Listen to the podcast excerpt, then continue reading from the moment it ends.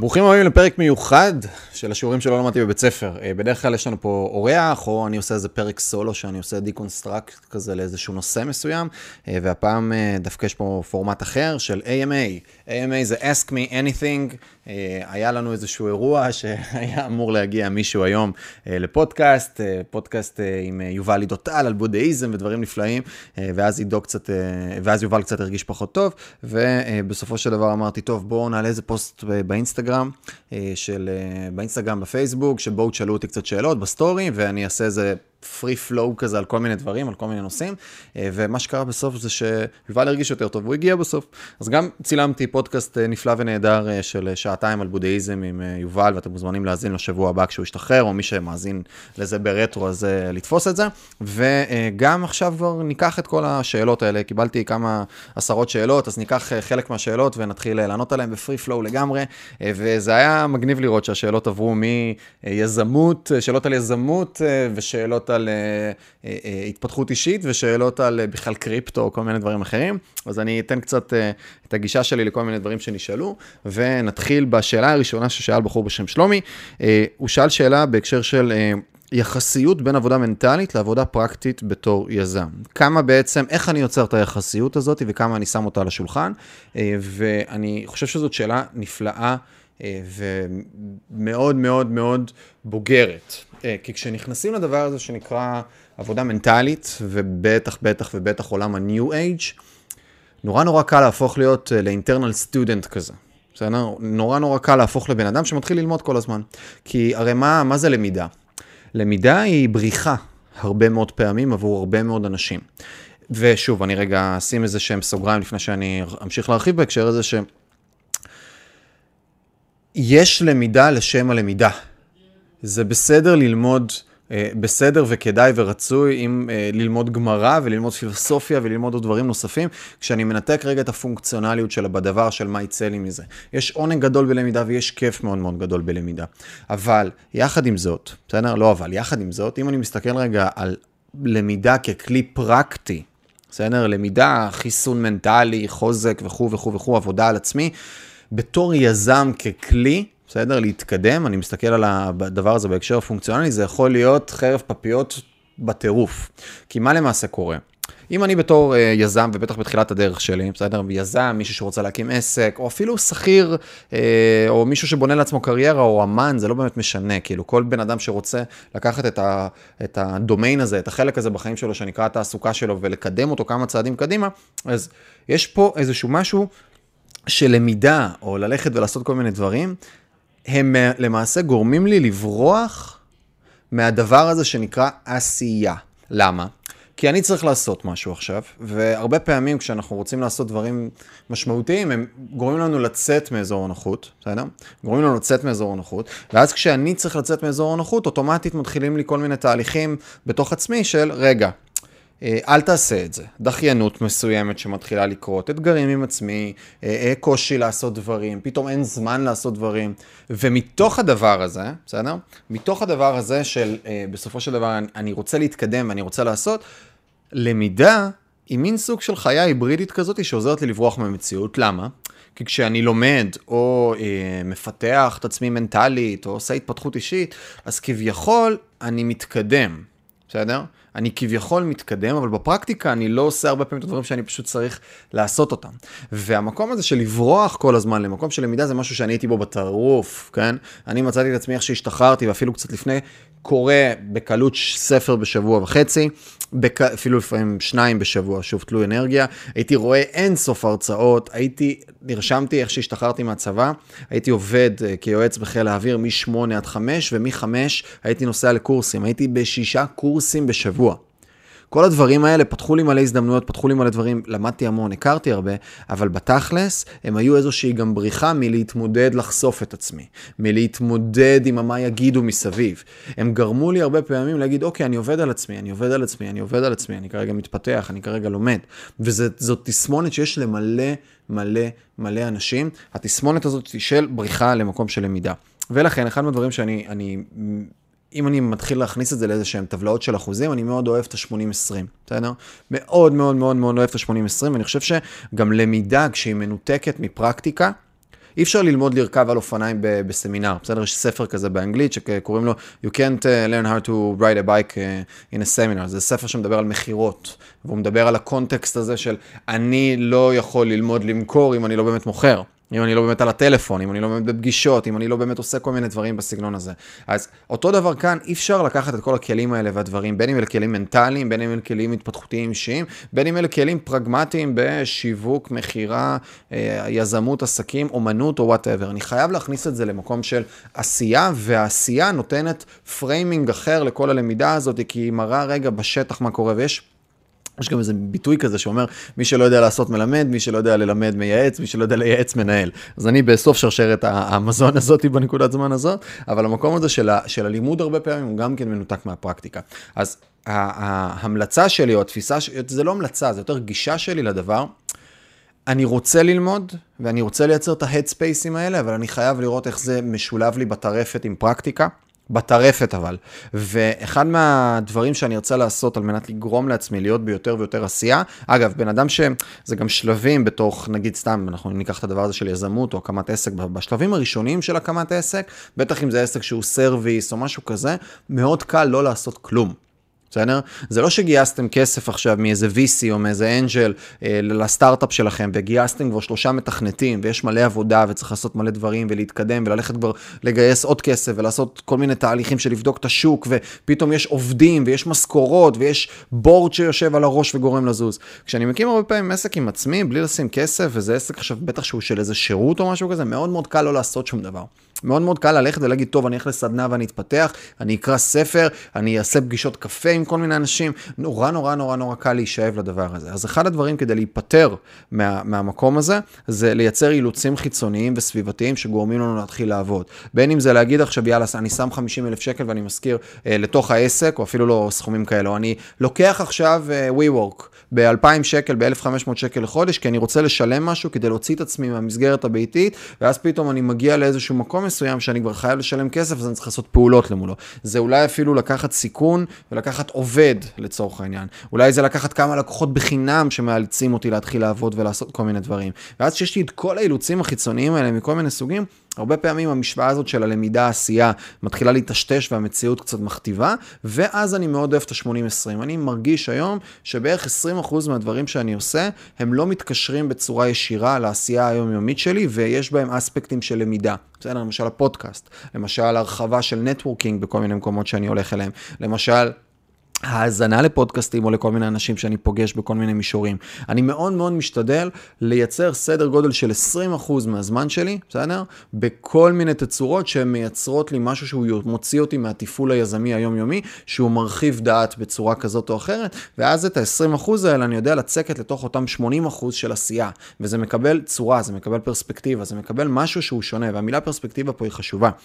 אני בתור בן אדם שרק לומד, אין לי את פרספקטיבת השטח, אין לי את הגריז. כמו שאמרנו מקודם, אני בסמינר, מלמדים אותי איך לרכב על אופניים בטקסטבוקים, סבבה, אחר כך אני יוצא. יש רוח, יש מדרון, הגלגל מתפנצ'ר לי, עליתי על איזה הר והשרשרת זזה לי, ועכשיו אני צריך חמישה קילומטר ללכת איתה כמו מניאק בידיים. יש פה פתאום מציאות שפוגשת, ואז אני צריך לבוא ולעשות את זה. ובדיוק באותו הקשר של הפודקאסט שלפני שנייה ככה אה, הקלטתי על בודהיזם ועל הדברים האלה, דיברנו על זה שזה נורא לא נורא קל, אבל, אבל הרבה יותר פשוט להיות נזיר בודהיסטי במנזר, מאשר להיות נזיר בודהיסטי אה, בבית עם שלושה ילדים, או במשרד אה, אה, גועש ורועש עם מלא אנשים מסביב. זה נורא קל לקחת את העשר דקות מדיטציה בבוקר ולייצר התבוננות על הנשימה ועל המחשבות ועל הכל. נורא קשה לעשות את זה כשעכשיו, אה, אה, כשהתפטר לך עובד, או כשאתה, הבוס שלך, לא יודע מה עשה, ביקשת ממנו העלאת שכר והוא לא נתן לך. זה נורא קל. בסדר? לעשות את העשר דקות ולא את השאר. אז אני חייב לשלב, והתמהיל הזה של ה-80-20 הוא מאוד מאוד מאוד מאוד משמעותי, ואני יכול להגיד עוד דבר נוסף באותו הקשר.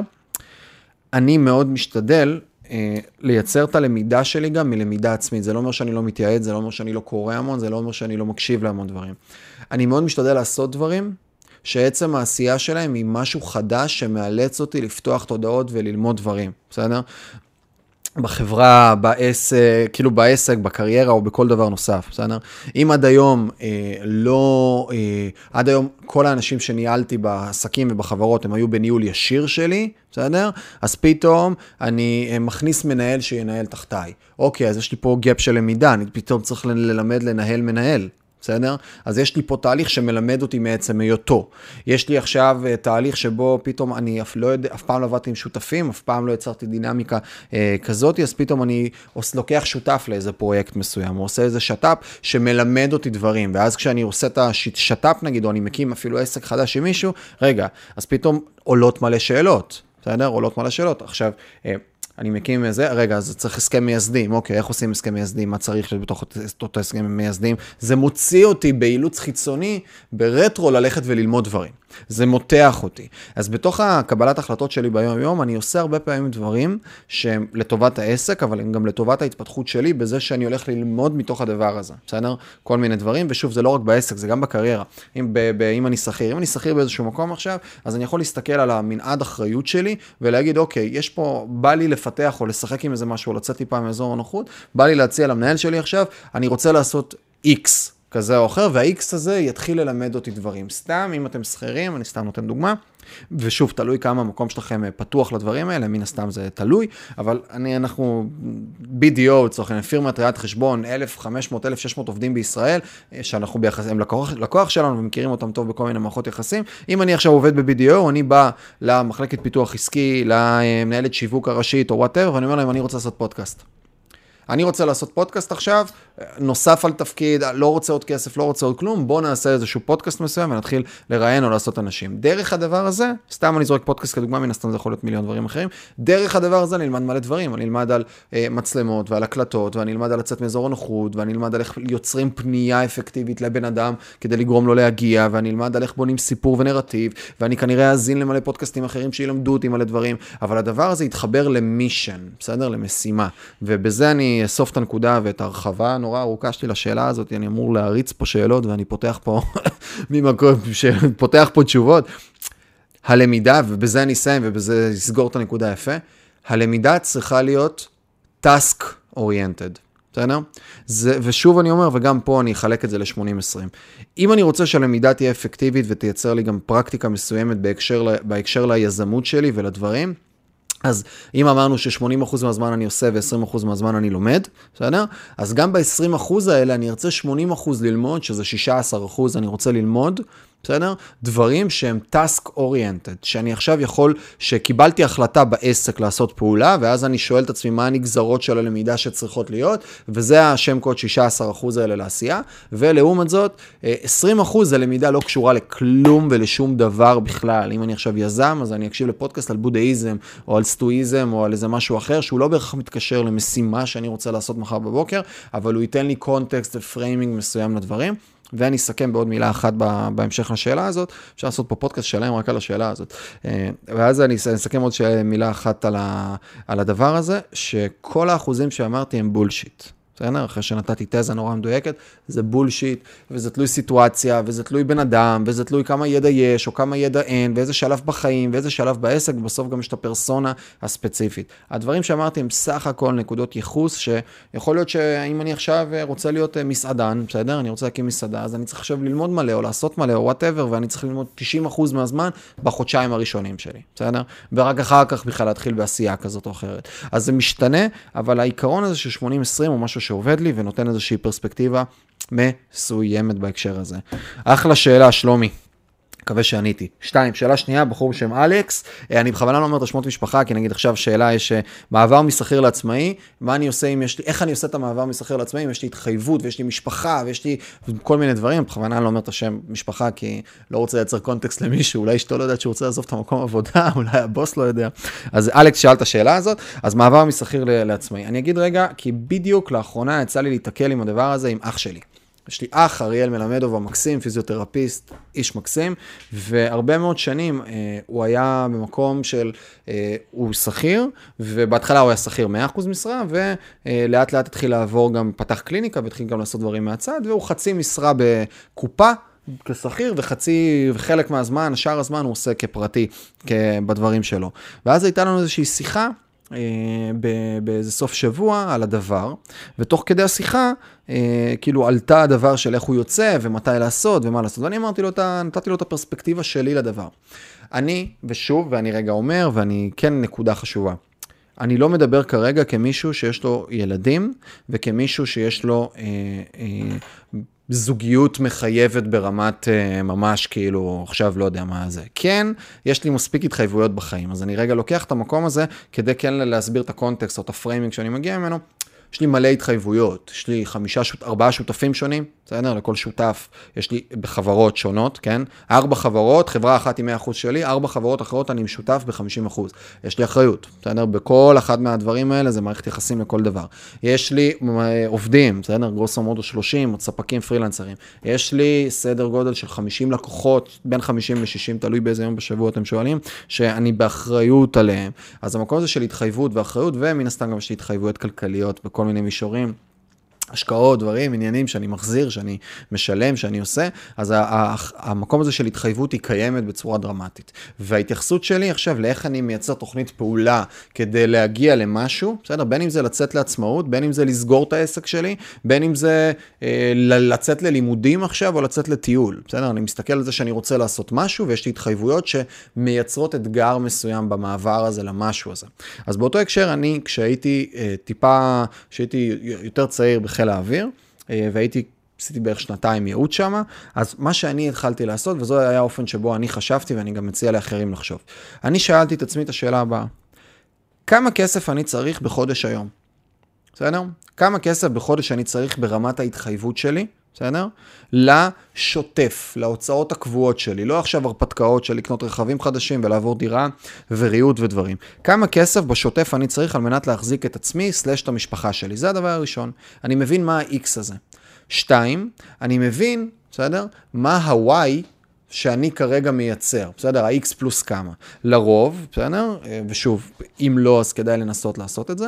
כנראה שההוצאות שלנו הן די דומות להכנסות, כי אנחנו כבני אדם נוטים להדביק את ההוצאות להכנסות, ופה כן הייתי עושה משהו שהייתי מנסה לשאול את עצמי איך אני מייצר הפחתה של 10, 15, 20 אחוז בהוצאות הקבועות שלי, והייתי מתחיל לגדל את העץ הזה, את השיח הזה, בקטנה מהצד, ואני אתן את שתי הדוגמאות, גם של אחי וגם שלי, בסדר? שאני כשהייתי בחיל האוויר, אז אמרתי, טוב, אני פתאום קצת התחלתי לייעץ לעסקים, פתאום קצת הקמתי איזה עסק אחר, איזה פעילות אחרת, והתחלתי לייצר איזה שהן הכנסות מהצד. והפעולה הבאה שהייתה לי, זאת הייתה פעולה של להתחיל להפחית את המשרה, את אחוז המשרה היומיומי שלי, בסדר? למול הכסף שאני מכניס. ולאט לאט התחלתי לייצר איזשהו תהליך איזון מסוים, שבסופו של דבר הגעתי למצב שנגיד אני עושה, אני, ההוצאות שלי היו X, במשרה של חיל האוויר הגעתי למצב שבערך 50 אחוז מהכסף, כאילו שחיל האוויר ממלא לי 70 אחוז ו-30 אחוז ממלא לי הדברים מסביב שאני עושה. ושם אמרתי לעצמי, שכדי לקבל החלטה לסיים עם חיל האוויר ב-100 ולנתק מגע, בסדר? לא שחיל האוויר היה רע, הכל טוב, פשוט זה פחות התאים לי. אני רוצה להגיע למצב שאני מכניס בין 50 ל-60 אחוז מההוצאות הקבועות שלי, ואז בואו נעשה רגע את המתמטיקה כדי להבין את המשמעויות. ואני בכוונה לוקח את זה לפרקטיקה, ואחר כך תכף נדבר גם על פסיכולוגיה, כי אני רוצה, לפני שאני מקבל החלטה פסיכולוגית, אני רוצה להבין את תמונת המצב. ואז אמרתי לעצמי סתם, בואו אפילו ניקח מספרים אמיתיים. נגיד אני באותה תקופה, גרוסו מודו, בין 14 ל-16 אלף שקל נטו היו ההוצאות שלי, עם כל מיני דברים שהייתי עושה בכל מיני הקשרים. ואני הייתי עכשיו, בחיל האוויר, הצלחתי לייצר אפילו יותר מזה ביום-יום שלי. ואז אמרתי, טוב, בוא ניקח עכשיו ונגיע למצב שאני מכניס 8,000, 10,000 שקלים מהדברים שלי מהצד, וואנס אני מגיע ליעד הזה ויש לי פער תזרימי של 6,000 שקלים, זאת הנקודת החלטה שממנה אני קופץ למים ואני משחרר שם לגמרי ואני נכנס all in לדברים האחרים. ולמה זה היה בפעולה הזאת ולמה עשיתי את זה ככה? כי אמרתי לעצמי כזה דבר. אני עכשיו עושה פיילוט של חצי שנה. על המהלך הזה. הפיילוט של החצי שנה, בסדר? אומר שאם עכשיו יש לי פער תזרימי של 6,000 שקלים בחודש, בחצי שנה המשמעות של זה היא 36,000 שקלים. ואז אמרתי, ה-36,000 שקלים האלה, זה מבחינתי, וזאת הסתכלות שאני מציע לכל אחד שרוצה להפוך לעצמאי לעשות, ה-36,000 שקלים האלה הם מבחינתי השקעה בעסק, בסדר? אני עכשיו לקחתי מהפרטי שלי, לקחתי הלוואת בעלים ושמתי השקעה בעסק. הרי ברור שאם אני רוצה להקים מסעדה, או אני רוצה להקים מכולת, אני רוצה לעשות איזה משהו, אני הולך, לוקח 300, 400, 500 מיליון שקל ומשקיע, נכון? הרבה פעמים כשאנחנו הופכים לפרילנסרים, או עושים איזשהו מעבר לעצמאות שהיא שירותית, נורא קשה לנו בכלל לתפוס את הכסף. אז אמרתי, טוב, אני עכשיו לוקח 36 אלף שקלים וכביכול שם אותם לטובת המהלך הזה. ואז קורים כמה דברים. אחד, כאילו 36 אלף שקלים, לא שאני מזלזל בכסף, וזה סכום משמעותי, אבל אם אני שם על המשקל את ההגשמה שלי, את העשייה שלי, את הדברים שאני רוצה לעשות בחיים, למול 36 אלף שקלים, זה לא משחק לי תפקיד. וגם בניהול סיכונים, אוקיי, אם אני אקבל מכה של 36 אלף שקלים, אני אדע לקום ממנה, אני אדע לעשות את המהלך הזה. ואז פתאום כשהסתכלתי על הדברים האלה בצורה הזאת, וגם בשיחה עם אחי, פתאום זה גודר למספר. והמספר, הרבה פעמים הוא לא סופר סופר נורא. ואם בחצי שנה הזאת אני לא מצליח לצורך העניין לייצר את ההשלמה הזאת, כי תחשבו, אני פיניתי זמן. אם פיניתי זמן, אז אני עכשיו יכול להשקיע יותר בתוך הדבר. אז יש פה איזשהו מהלך מסוים שקרה והתאקלם בתוך אותו תהליך. וכשניהלתי את השיחה הזאת עם אחי, ובדיוק גם התחלתי לעזור לו קצת בעסק בכל מיני הקשרים אחרים, אה, הוא הודיע לי ביום שני, כמה ימים אחרי השיחה, שהוא הודיע לקופה שהוא מסיים שם את ההתקשרות שלו והוא נכנס all in בתוך העסק שלו, כי פתאום רגע הוא שם על המשקל את המשמעות האמיתית הכלכלית של הדבר. כי יש פה איזשהו פחד הרבה פעמים נורא נורא גדול של ה-what if הזה. וכשאני בשלב הראשון, וזו ההתייחסות שלי לכל דבר, השלב הראשון שאני מתייחס לדברים זה, בוא נפרק את זה בצורה סופר פרגמטית ונבין את המספרים, נבין את המשמעויות. ואני משחק עם עצמי איזשהו משחק כזה, יש הרצאת TED אה, של טים פריס שהיא לא מאוד מאוד טובה, אבל הקונספט ממנה הוא חמוד, קונספט הוא קורא לזה what if, בסדר? קחו ותכתבו what if, what if, what if. מה יקרה אם, מה יקרה אם, מה יקרה אם. ואז אם אני עכשיו לצורך העניין אחי או אני כמיכאל שהשתחרר מה... מה כאילו כיועץ בזה, אז אני אומר, רגע, אה, אצל אחי אני יכול לשאול, מה קורה אם אני לא מצליח? אז איבדתי 20 אלף שקל, 30 אלף שקל. מה קורה עוד אם אני לא מצליח? אה, אני צריך לחזור לקופה. ואז אני שואל את עצמי, האם אני אוכל לחזור לקופה? בסבירות גבוהה שכן, ואם לא שם אז במקום אחר. לא חסר מקומות עבודה שאני אוכל לחזור אליהם. אז מה בעצם המחיר שלי פה? המחיר שלי פה הוא X כסף ורמת אי ודאות מסוימת שאני אצטרך ללמוד לחיות בתוכה. אז אני מגדר את הדברים האלה ואני מבין בדיוק מה המחיר של מה שאני הולך לשלם, ואני מייצר תוכנית של גאפ של חצי שנה, שמונה חודשים, עשרה חודשים, כל אחד עם הזמן שלו. את המרווח זמן לשחק ולעשות את השטויות האלה, בסדר?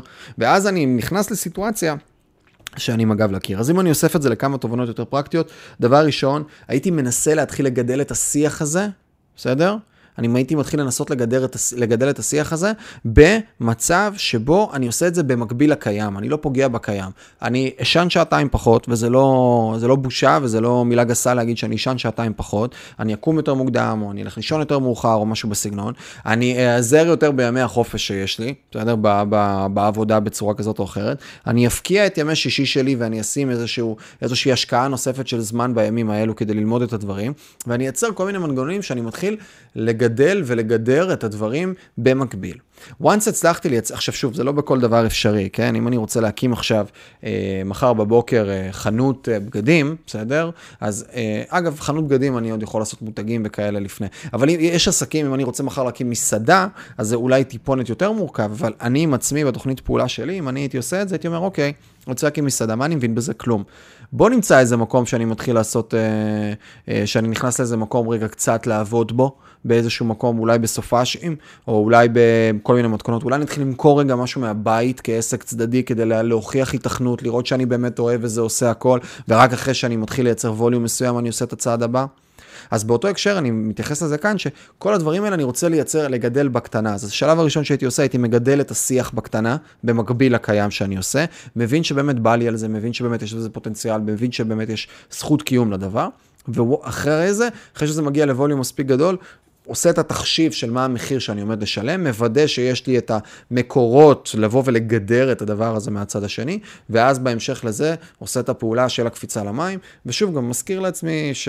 ואני חס וחלילה, אני לא אוהב את הגישה של לשרוף את הספינות, בסדר? יש כל מיני אנשים כאלה אומרים לכם לשרוף את הספינות, בן אדם מרוויח, לא יודע מה, 12-13 אלף שקל, יש לו משפחה לפרנס, אשתו גם עובדת, הם חיים עם אה, אה, די צמוד להוצאות הכנסות שלהם, ופתאום הוא החליט שהוא רוצה להיות מסעדן, והוא הולך, לוקח הלוואה בערבות מדינה ומקים מסעדה. מה, מי, איך, איפה, כמה, למה. כאילו, אם עושים את זה בצורה לא נכונה, שזה מחירים קטסטרופ. ואז כאילו הגישה של לשרוף את הספינות מדברת על זה של אם ירדתי לחוף להילחם, ויש לי את הספינות לחזור אליהם, אז אני כל הזמן ארוץ אליהם. אפשר לעשות אה, חצי שריפה של ספינות, בסדר? אה, לא צריך את הכל, ובגישה שלי אפשר לעשות את הגם וגם, וזאת ההתייחסות שלי למעבר משכיר אה, לעצמאי. שלבים קטנים, בדיקת השטח, שיחות עם אנשים שעושים את מה שאני רוצה לעשות, בסדר? להתייעץ עם אנשים רלוונטיים בתוך אותם הקשרים כדי לקבל את המתווה הנכון, ורק אז לעשות את זה בצעדים מדודים, הגיוניים, שעוזרים רגע לצאת מתוך הדבר הזה, ולי זה ככה היה, כאילו מצאתי את עצמי מגיע למצב שאני מוותר על הכנסה טובה ובאופן יחסי עם כן איזושהי יציבות מסוימת, אחרי שהצלחתי להוכיח התכנות, קפצתי למים, ובוא נגיד שבהתחלה לא היה כזה נפלא, ולקח לי זמן להתייצב עד שהגעתי למקום הנכון, אבל איכשהו גם עשיתי את האקסטרה מייל, וזה בסוף אה, הוכיח את עצמו כמשהו שהוא אה, כן היה, כן היה נכון. אה, שאלה נוספת של שגיא, אה, שאלה שלישית. כמה זמן אנחנו רוצים באופק? 25 דקות. סבבה. שאלה נוספת של שגיא, קריפטו והשקעה בעתיד וכלכלה. שאל אותי שאלה בהקשר של קריפטו, שוב, לא מומחה לקריפטו ורחוק מזה, אתן רגע את הגרוש וחצי שלי. אחד, ממליץ לכולם, לכולם, לכולם, לכולם, לכולם להאזין לפודקאסט שעשיתי עם דאל שלו. עשינו שני פודקאסטים, אחד אה, על תזונה קיטוגנית והסוד הקדמוני, ופודקאסט נוסף עשינו על, על ביטקוין. אה, דאל הוא אה, יזם, הייטקיסט, ואיש מקסים שמתעמק בצורה נורא נורא עמוקה בדברים, וצריך לעשות רגע הפרדה בין קריפטו. לביטקוין, והסתכלות רגע יותר נקודתית על הדבר הזה. אני אישית, ושוב, אני אומר את זה כמישהו שהוא educated, אבל לא well educated, לא בטרפת, קשה לי לראות מצב שבו בנקודת זמן הזו, ובטח בכמה שנים הקרובות, אנחנו מגיעים למצב שכולנו עושים רק טרנזקציות עם ביטקוין, בסדר? או עם איתריום, או כל מטבע אחר. כי התנודתיות שלו לא מאפשרת לנו, בסדר? לא מאפשרת לנו לסמוך מספיק על המטבע הזה כמטבע שהוא יהיה מטבע לסחר חליפין, בסדר? יכול להיות שמתישהו זה יתאזן, קצת קשה לי לראות את זה קורה, יכול להיות שצריך מספיק אה, אה, שימוש אה, אה, של כולם בתוכו כדי שהוא הוא, הוא יתאזן על איזשהו מספר שהוא קל, אבל זה כמו שאני לא... זה עולם שהוא פחות פרקטי פשוט. כמו שאני לא אקח אה, מניות של אפל שאני מחזיק כרגע ואיתם אני אקנה חלב בסופר, אותו דבר אני לא אה, אשתמש במטבע שזז בצורה כל כך כל כך כל כך תנודתית. כי אם אנחנו מסתכלים על שקל או על דולר אה, או על יורו, אה, יורו האמת לא דוגמה כל כך טובה, אבל, ואגב, בגלל זה גם פחת ופחת ופחת השימוש בו, אז אם אני מסתכל על כל מיני מטבעות שהם יותר יציבים, אז התנודתיות שלהם היא תהיה בעשיריות האחוז, או מקסימום אחוז וקצת, זה המספרים, למעט מקרים דרמטיים שקורים כל מיני דברים, ואז יכולות להיות צניחות, אבל גם אז אנחנו מדברים על... פרקי זמן יחסית ארוכים, על מספרים שהם 5, 10, 15, אולי 20 אחוז, במספרים האלה בתנודות. וכשיש לי, מס... האינפלציה שלי וגם התהליכים של השינויי מטבעות הם לא דרמטיים, אני מרגיש ביטחון כבן אדם להשתמש באותו דבר כסחר חליפין, בסדר? כי אני משתמש במטבע לטובת המסחר שלי. אם למחרת, אם עכשיו קמתי בבוקר ושילמתי בביטקוין על חלב, בסדר? באחוזון של הביטקוין על החלב, מחר בבוקר יכול להיות שהביטקוין ירד פי שתיים, ואז אותו בן אדם שקיבל את הביטקוין אומר, בואנה, מה זה? כאילו, נתתי חלב בשווי של שני, שני, שני קרטונים, ויש פה משהו שהחוסר יציבות יכול לייצר אתגר שהוא אתגר משמעותי, בסדר? בהפיכה שלו למשהו שאפשר לסחור איתו. יחד עם זאת, הגישה שלי לדבר הזה זה שיש לזה זכות קיום.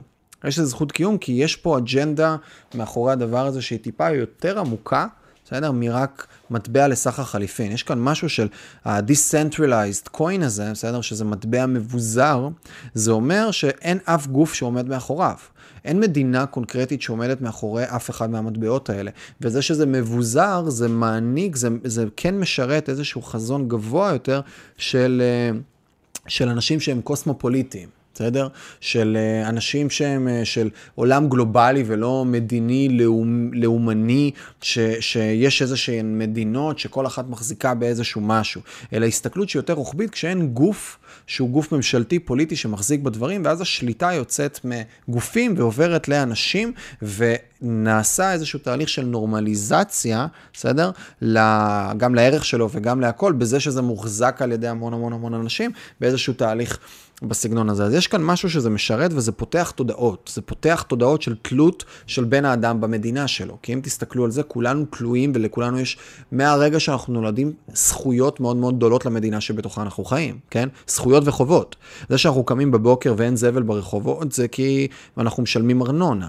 והארנונה הזאת נותנת לנו את ההזדמנות, אה, נותנת למדינה בעצם, ה, למדינה, לעיר, יותר נכון לעיר, את, ה, אה, את הכסף כדי להעביר עכשיו צוותי ניקיון שיגרמו לרחובות להיות נעימים, ולשיטור שיש לנו, ולגנים, ולפחים, ולעוד הרבה דברים נוספים ושירותים שאנחנו מקבלים. מצד שני, אף אחד לא קם בבוקר ואומר לנו, תגיד אחי, אתה רוצה לשלם ארנונה?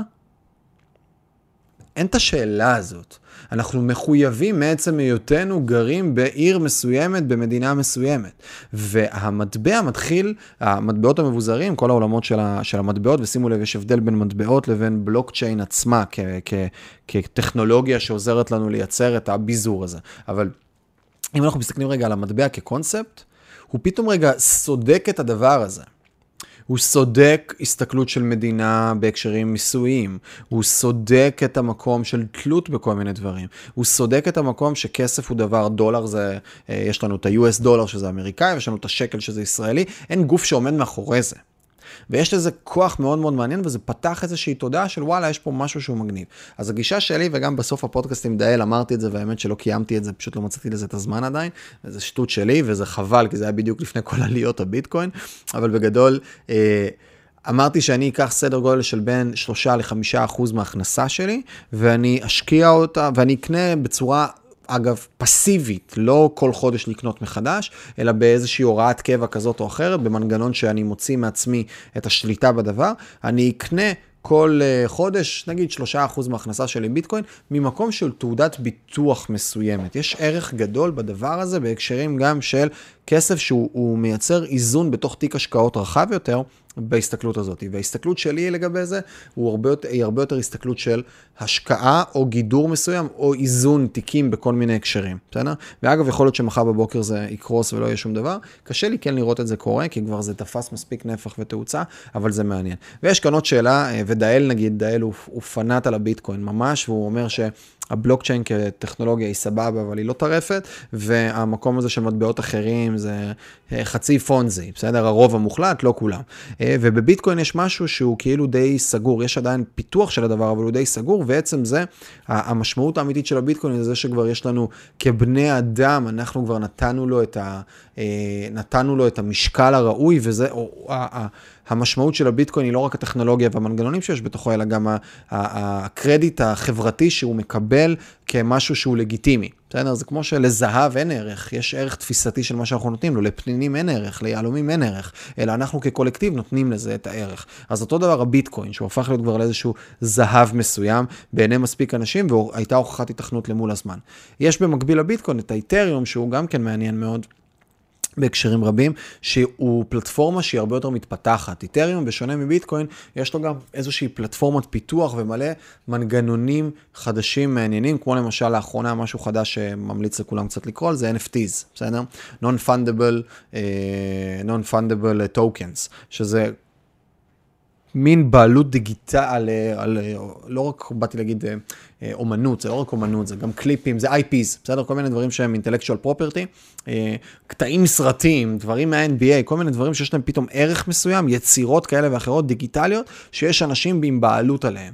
ופתאום גם זה הטכנולוגיה של הבלוקצ'יין, על בסיס הפלטפורמה של איתריום, מאפשרת לדבר הזה להתחיל לקרות. יש פה הרבה דברים נוספים. לעניות דעתי, כהסתכלות רחבה יותר, בסדר?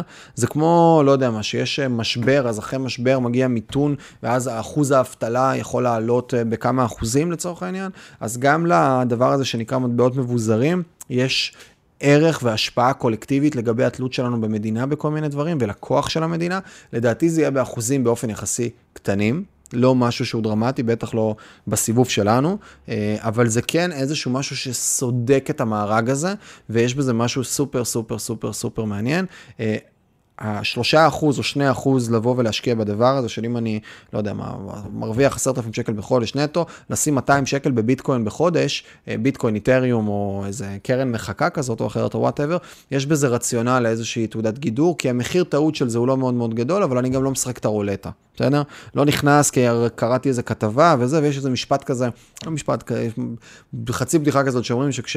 אה, וחס וחלילה לא להנמיך או להוריד מישהו, אבל אה, אה, קונה משהו בסופר וכרגע פתאום אתה שומע איזה שני אנשים אומרים, נו, קנית ביטקוין, אז אתה מבין שאולי עדיף לא לקנות ביטקוין כרגע, כי זה כבר במקום ש... שהוא לא בהכרח נכון. אז זאת הפרספקטיבה שלי בהקשר של הדבר הזה. שאלה נוספת מדודי, איך אני מתכונן לרעיון?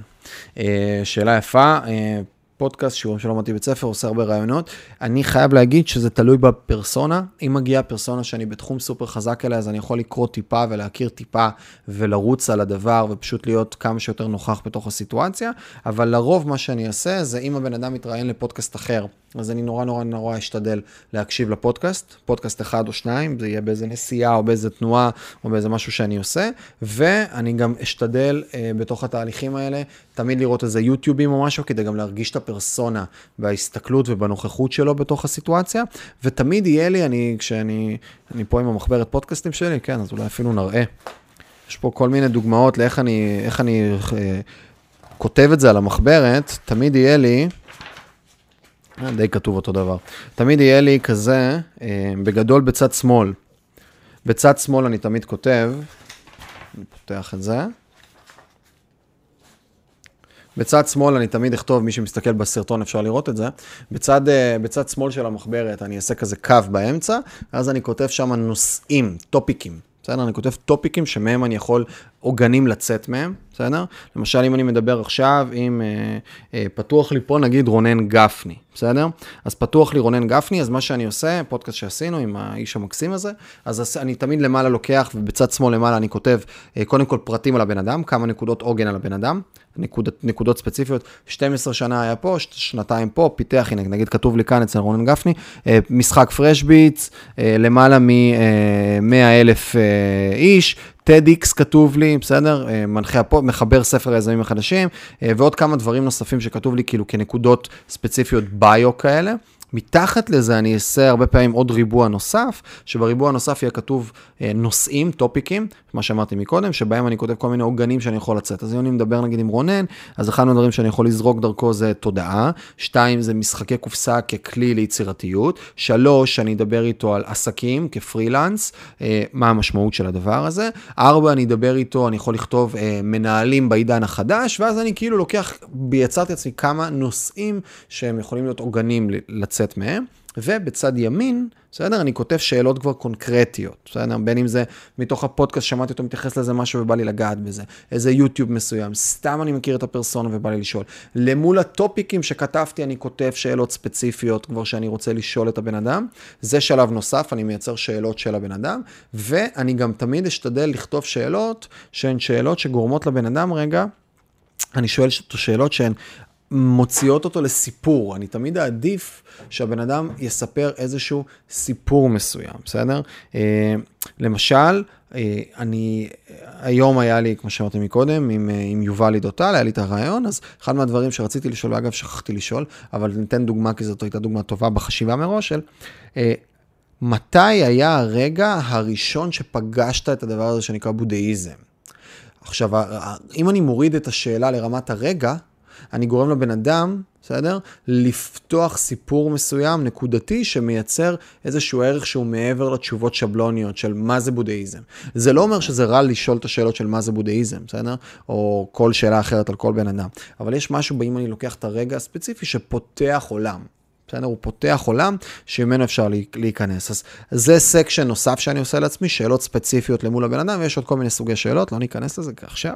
ודבר נוסף שאני עושה, זה אני כותב, יש לי uh, כאלה דפים, כמה דפים קבועים, שיש שם שאלות uh, גנריות uh, רחבות כאלה, בסדר? שהרבה פעמים זה או שזה יהיה לידי, או שאני אעבור על השאלות הספציפיות האלה ואני אשלב אותן במחברת, ואז למשל אתן לכם דוגמה. Uh, אתן לכם דוגמה על, על עידו מהיום.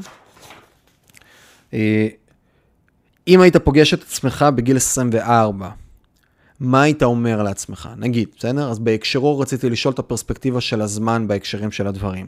אה, עוד דבר נוסף, כמה אתה מתכנן קדימה למול כמה אתה אינטואיטיבי. הוצאתי את השאלה הספציפית הזאת מתוך סל ארסנל השאלות, כי הרגיש לי מעניין לשאול בן אדם שעוסק הרבה בבודהיזם, בזן, במדיטציה, בנוכחות הרגע, בסדר?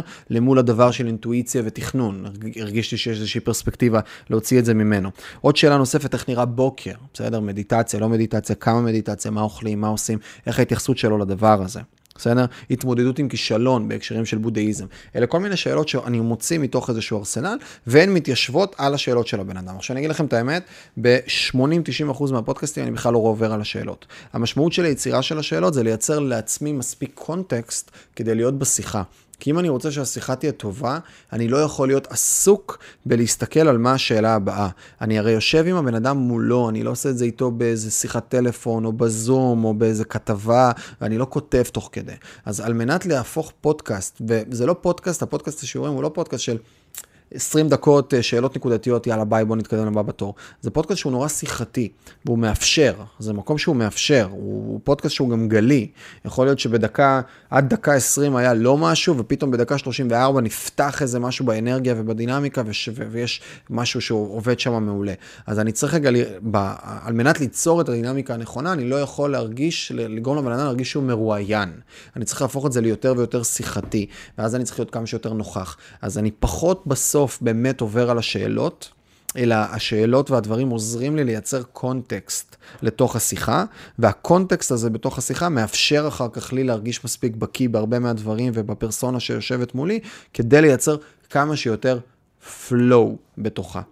זה כזה בגדול. ודבר אחרון נוסף שאני תמיד משתדל לעשות, זה אני משתדל אפילו שזה שאני מאזין לעוד פודקאסטים ולעוד מקומות או לעוד דברים שהבן אדם היה בהם, זה גורם, אחד, בהמשך למה שאמרתי מקודם, ללמידה, ל-80-20 ולדברים, לי ללמוד מלא, שזה כיף, זה גורם לי להתעמק. שתיים, זה גם מאפשר לי לא בהכרח להיכנס איתו לאותם דברים שהוא כבר אמר במקומות אחרים, שזה גם כן משהו שאני משתדל לעשות. יש דברים ספציפיים שחשוב לי שהבן אדם ידבר עליהם, כי הם חשובים והם מהותיים, ואפילו שהוא אמר את זה במקומות אחרים, אבל הרבה דברים אני משתדל לפתח מתוך הדינמיקה המשותפת של שנינו ביחד, בהקשר הזה. זאת הייתה שלי, שאלה שלי, אני חושב שאנחנו נלך על עוד שאלה אחת, אופק, וזה כמה אנחנו כבר? 42. אשכרה.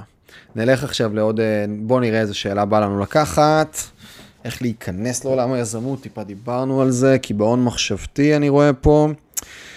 רווחיות בעסק, ויש לי פה שאלה מיסמין, הפרדה בין חיים אישיים לעסקיים, שדווקא בא לי להתייחס אליה. אה, ואני אגיד את זה שוב מפרספקטיבה יחסית צרה שלי. בצניעות אני אומר את זה, כי שוב, אני לא כרגע נמצא בסיטואציה שאני נשוי עם ילדים, אז אני כרגע אין לי את מחויבות המשפחתית, ואז הדיכוטומיה היא פחות מורגשת. אבל אני אגיד את זה שאני פחות מאמין היום ב-work, יש, ג'ף בזוס אמר איזשהו משפט יפה, שהוא לא, מה זה work-life balance? לא יודע מה זה אומר balance, יש work and life harmony. ולמרות שגם הבלנס כבלנס הוא, הוא בסוף עניין יחסי, זה לא צריך להיות מאוזן, אלא כל אחד מרגיש עם עצמו. והדבר הראשון שצריך להבין בגישתי לדבר הזה, זה אני היום לא, בחוויית חיים שלי, אני לא חי בנקודה שבה אני מפריד בין אישי לעסקי, ואני מייצר סינרגיה בין הדברים, ובסוף אני חי בפלואו. ויש פה כמה דברים שהם אה, מהותיים. אני בעבר הייתי מאוד מאוד מנסה לייצר דיכוטומיה, בסדר? הפרדה מוחלטת, בינאריות 1 או 0, של עד שעה X אני מתעסק בדברים מסוימים, ומשעה X אני כאילו שיניתי פאזה.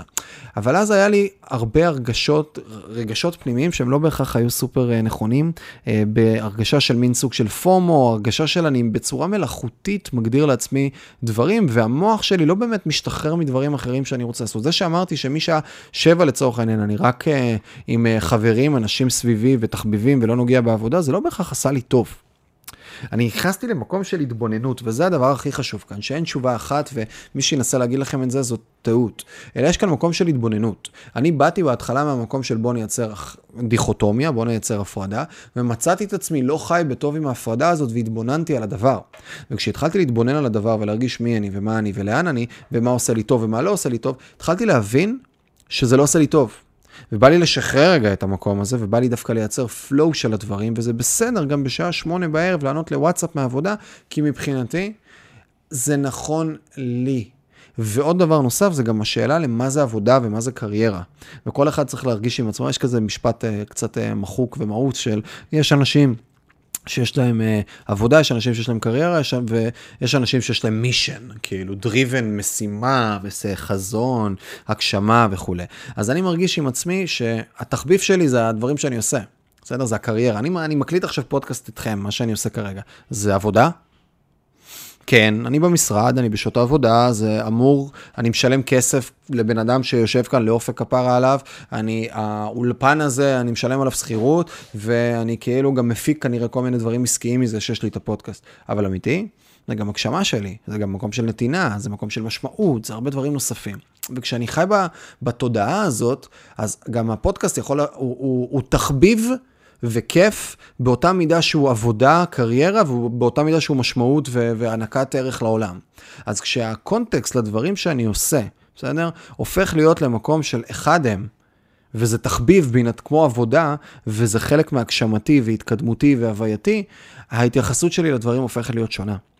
העונג שלי, השקט שלי, לקבל וואטסאפ בשעה תשע לא מדליק לי פיוז. כי זה נכון, זה לא אומר שאני לא אציב גבולות, זה לא אומר שאני לא אגיד מה כן ומה לא, אבל הדינמיקה הופכת להיות הרבה יותר כמו מים, בסדר? מאשר כמו אדמה. הרבה הרבה הרבה יותר דינמית. והמקום הזה של הפרדה של חיים אישיים עסקיים הוא משהו שבגישתי היום, אני לא רואה אותו ככה, כי גם אמיתי, אם היה לי עוד זמן פנוי, אז כנראה הייתי מקים עוד עסק, כי זה התחביב שלי, זה התחביב שלי, זה מה שאני אוהב לעשות, זה מה שבא לי לעשות באותם הקשרים. אז אני לא מייצר את הדיכוטומיה, ויחד עם זאת אני כן אתן סייג מסוים. שוואנס אני נמצא עם אנשים אחרים, או אני נמצא במקום שהוא לצורך העניין אישי, אגב זה, או כל דבר, בסדר?